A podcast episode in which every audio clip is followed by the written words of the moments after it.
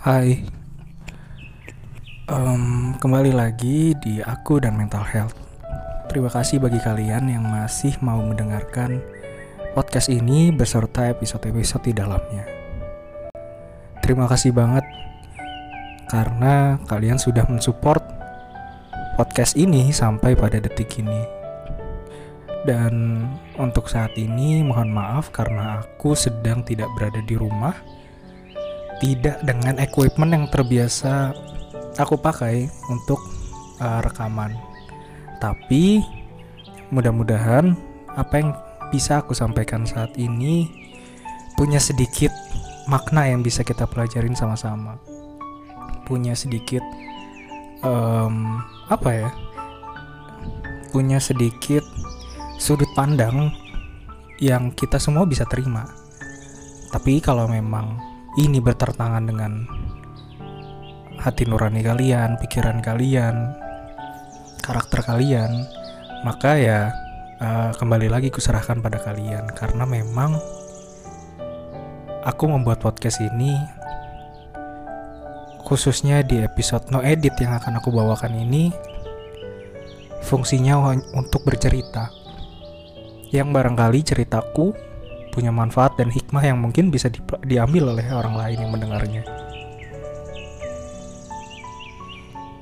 Hmm, aku mau cerita tentang pengalamanku tujuh tahun ke belakang. Jadi dari tujuh tahun yang lalu dan mungkin berlanjut hingga setahun yang lalu aku berada di sebuah kondisi di mana kondisi ini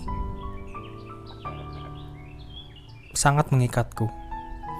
Mengikat tidak dalam tanda kutip yang negatif ya, tetapi aku memiliki keterikatan dengan sebuah lingkaran di mana pada awalnya kami memiliki cita-cita yang sama dan mungkin sampai sekarang cita-cita itu masih sama. Tapi ada tapinya. Pada akhirnya aku menilai bahwa ada jalan dan cara yang menurutku berbeda pada akhirnya. Kita mungkin mencita-citakan satu hal yang sama tapi aku percaya bahwa cara untuk menuju ke sana tidak hanya satu cara tapi ada banyak cara. Dan cara yang kupilih kebetulan berbeda dengan cara yang lingkaran tersebut kehendaki atau ridoi. ya, kali ini berawal dari tujuh tahun yang lalu ketika aku baru saja lulus dari uh, sekolah menengah atas di mana saat itu aku masih suka banget tuh buat apa ya? Buat mengejar mimpi-mimpiku gitu. Kalau aku suatu saat bisa jadi orang besar bisa jadi orang yang berpengaruh bisa jadi pemimpin di masa depan. Ya impian anak-anak muda pada saat itu mungkin masih sangat menggebu-gebu ya. Dan kehidupanku dalam lingkaran tersebut membuatku juga punya bisa dibilang hubungan atau interaksi yang cukup terkoneksi dengan seseorang yang kusebut sebagai bulan hitam. Ya, bulan hitam ini adalah sosok yang biasanya sering memberikan pandangan-pandangan atau bahkan arahan ketika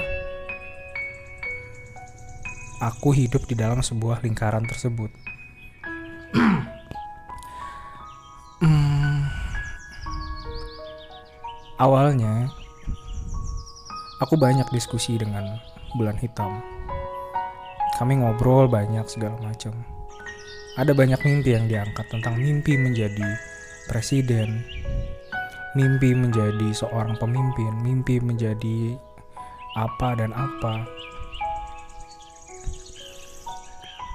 ya aku yang memang punya karakter seperti suka memimpin, suka memanajemen, suka mengarahkan, sangat tergoda dengan kata-kata itu, gitu. dengan diskusi itu gitu. Sampai pada akhirnya aku memilih salah satu big step dalam hidupku. Memilih langkah besar, memilih untuk berada atau melanjutkan pendidikan ke bidang yang aku anggap bisa memenuhi uh, impianku saat itu. Di mana aku aku berpikir kalau apa yang aku ambil saat itu sangat linier dengan tujuanku di masa depan. Ya lagi-lagi aku hanyalah seorang anak muda yang punya impian sangat tinggi. Aku hanyalah seorang anak muda yang belum bisa melihat banyak resiko yang telah dialami oleh banyak orang. Aku cuma anak muda yang pokoknya harus jalan. Entah bagaimana masalah yang akan aku hadapi itu belakangan. Aku hanyalah anak muda yang karena iming-iming cita-cita aku lupa berbagai macam konsekuensi yang harus aku ambil.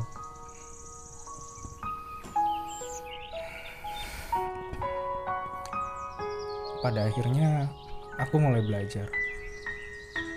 Aku mulai menyesuaikan diri pada sebuah kultur belajar yang sebelumnya aku tidak pernah lakukan gitu which is good ini adalah kultur belajar yang menurutku lebih baik ketika aku terapkan dibanding tidak aku terapkan. Karena aku memang sebelumnya tidak suka baca buku tidak suka peduli terhadap isu-isu sosial tidak suka bukan tidak suka ya maksudnya kurang aware terhadap kehidupan-kehidupan sosial di sekitarku terhadap uh, ketika aku punya impian menjadi orang besar di sisi lain aku lupa bahwa untuk menjadi seorang yang besar harus ada banyak bidang yang masalahnya aku selesaikan. Atau harus ada minimal satu bidang yang punya masalah besar dan aku bisa menyelesaikan masalah di bidang itu. Nah dulu tuh aku kurang aware. Sampai pada akhirnya um, aku belajar ini itu, ini itu aku selesailah menempuh pendidikan tersebut dari pendidikan tersebut jujur aku merasa bahwa masih banyak ilmu yang belum aku kuasai. Aku merasa masih haus akan ilmu-ilmu yang lain gitu. Aku merasa masih seperti bocah. Dan ternyata setelah aku lulus dan aku oh, fokus membantu lingkaran tersebut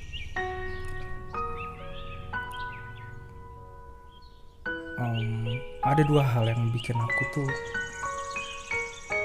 serasa tergesa-gesa. Yang pertama aku merasa masih haus terhadap banyak ilmu. Aku masih haus terhadap banyak hal yang bisa aku pelajarin. Aku bisa punya kemampuan untuk menyelesaikan A, tapi untuk menjadi seperti yang aku impikan, aku harus bisa menyelesaikan B, C, D, E sampai Z mungkin. Dan pada saat itu, aku tidak diberi kepercayaan untuk mengembangkan diriku saat itu untuk beralih dari kemampuanku yang lain aku nggak bisa belajar saat itu aku merasa bahwa hidupku saat itu lebih banyak berkutat pada hal-hal teknis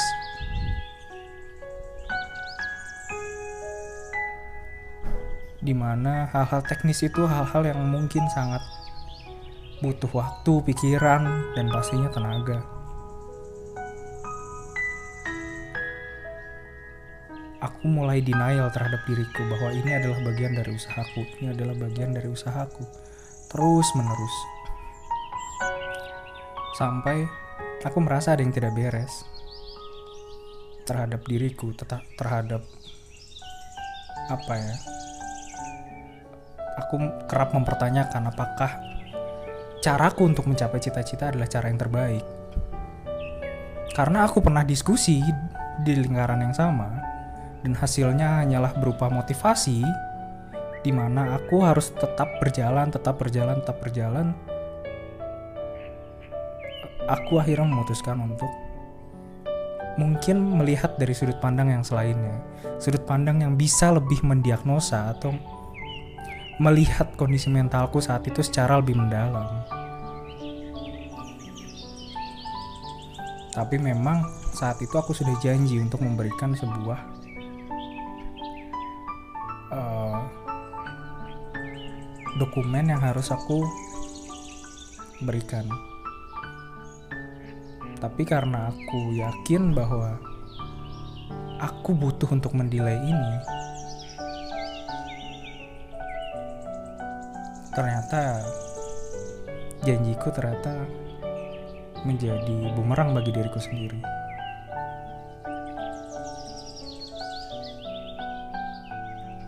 Aku serasa ditendang dari circle tersebut dan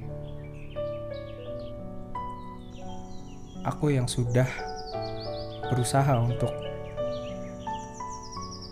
bekerja selama beberapa bulan tiba-tiba di akhir bulan di stop begitu aja. Aku sadar kesalahanku. Aku memberikan janji, tapi asal mula kenapa aku memberikan janji itu karena aku tidak diberikan kesempatan untuk memberikan penjelasan dari sudut pandangku kenapa aku belum juga memberikan dokumen tersebut sebelum aku berjanji. Pada akhirnya aku harus berjanji dan secepat mungkin. Tapi bulan hitam tidak bisa menerima itu. Gue ditendang saat itu. Aku marah. Aku mulai menyadari bahwa selama ini aku berada di aku menelan sebuah ekspektasi yang yang keliru.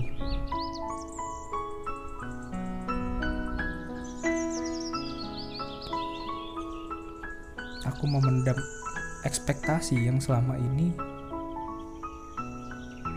membebaniku. Di mana ekspektasi itu sangat manis, sangat besar. Tapi jalan yang kutempuh saat itu tidak ada sedikit pun menyentuh ekspektasi atau impian yang ingin aku tuju saat itu.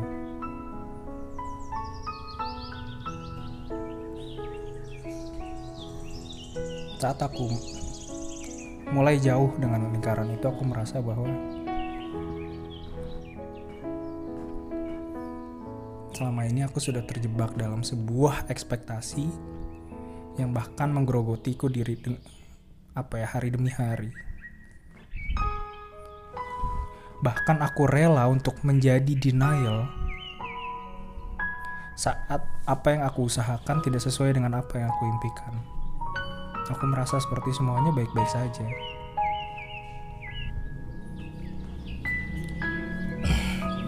Inilah saatnya aku sadar bahwa terkadang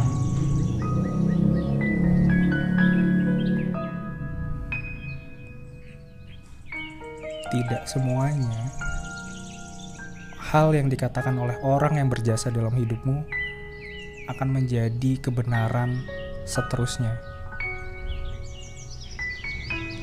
Tidak semua kata-kata yang keluar dari orang yang berjasa dalam hidupmu akan menjadi sebuah kebenaran terus-terusan. Ada kalanya, ada kalanya aku harus berani mengambil sebuah keputusan kalau memang aku nilai itu adalah keputusan yang baik.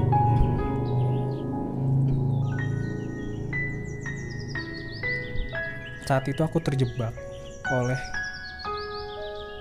hidupku yang sebelumnya telah sering dibantu. Aku denial bukan tanpa alasan. Tapi karena hidupku sebelumnya memang sudah sering dibantu. Tapi apakah dengan denial itu aku bisa mengeluarkan potensi terbaikku? Jawabannya tidak. lingkaran tersebut mengharapkan aku untuk menjadi sosok yang besar, katanya. Tapi kalau aku tidak bisa memaksimalkan potensiku, mentalku tidak bertambah, mentalku tidak menjadi lebih baik, dan aku tetap merasa sendirian ketika aku berjalan untuk memenuhi mimpiku, maka apakah aku bisa sampai pada mimpiku? Apakah aku bisa sampai pada titik di mana aku bisa bermanfaat bagi orang banyak? Yang mana sebelumnya pasti ada banyak hal yang perlu aku pelajari untuk sampai ke situ.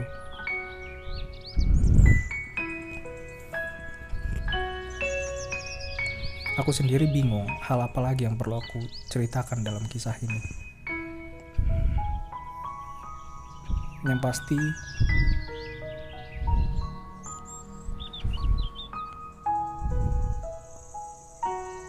aku terjatuh dalam sebuah ekspektasi. Ekspektasi di mana aku harus menjadi orang besar, tapi di sisi lain, aku harus menjalani hal-hal yang tidak seperti orang normal untuk belajar.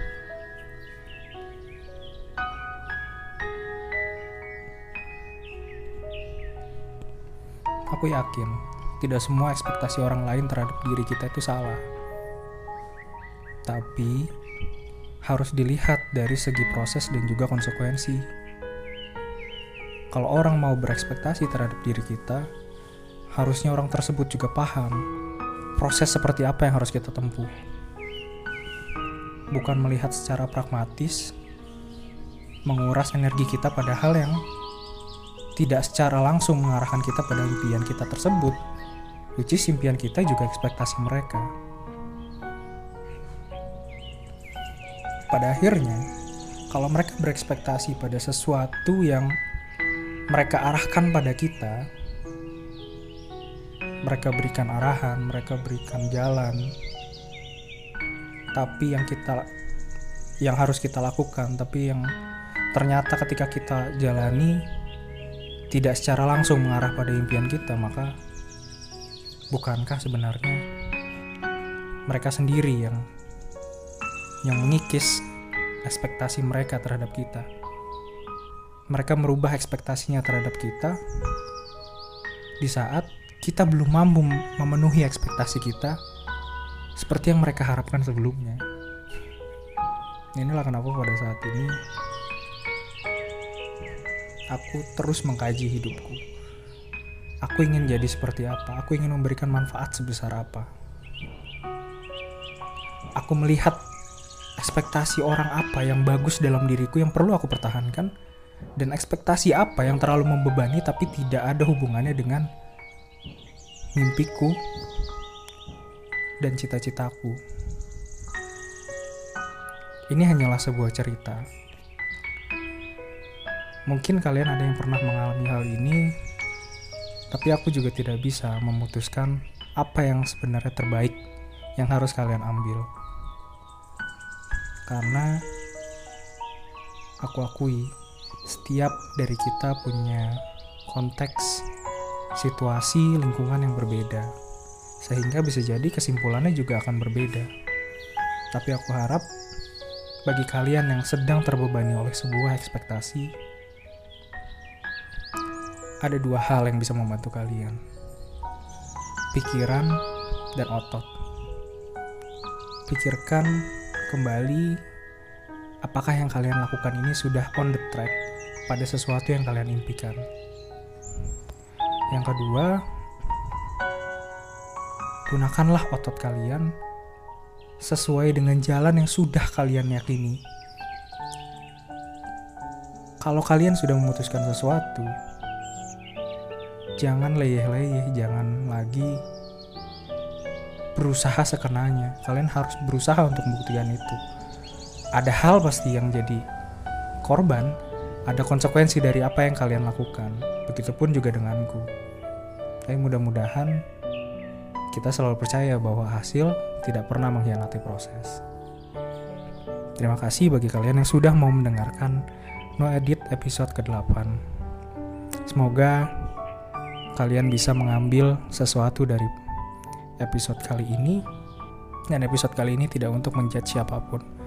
Ini murni hanya sebuah perubahan paradigma pikirku yang pada akhirnya menuntunku pada posisi saat ini di mana secercah cahaya mulai menunjukkan jalan ke mana aku harus berbelok ke mana dan kapan aku harus mengencangkan sabuk pengamanku. Aku harus menginjak gas lebih kencang lagi atau bahkan aku harus mengerem. Cahaya itu juga yang mengajarkanku bahwa hidup tidak semata-mata hanya untuk diri sendiri. Bagaimanapun, lingkaran ini bukanlah lingkaran yang sempurna, tapi lingkaran ini adalah lingkaran yang sudah menuntunku sampai sejauh ini. Dan tanpa lingkaran ini, aku tidak tahu hidupku akan lebih setidak bermakna apa. Memang terkadang ada hal yang baik dari ekspektasi orang lain, tapi juga ada hal yang mungkin kurang baik dari ekspektasi orang lain. Tapi yang terpenting, selama kita menggunakan pikiran kita untuk menimbang mana yang terbaik, yang bisa kita ambil dan mana yang tidak baik untuk kita hindari, harusnya kita bisa selamat. Terima kasih. Bye.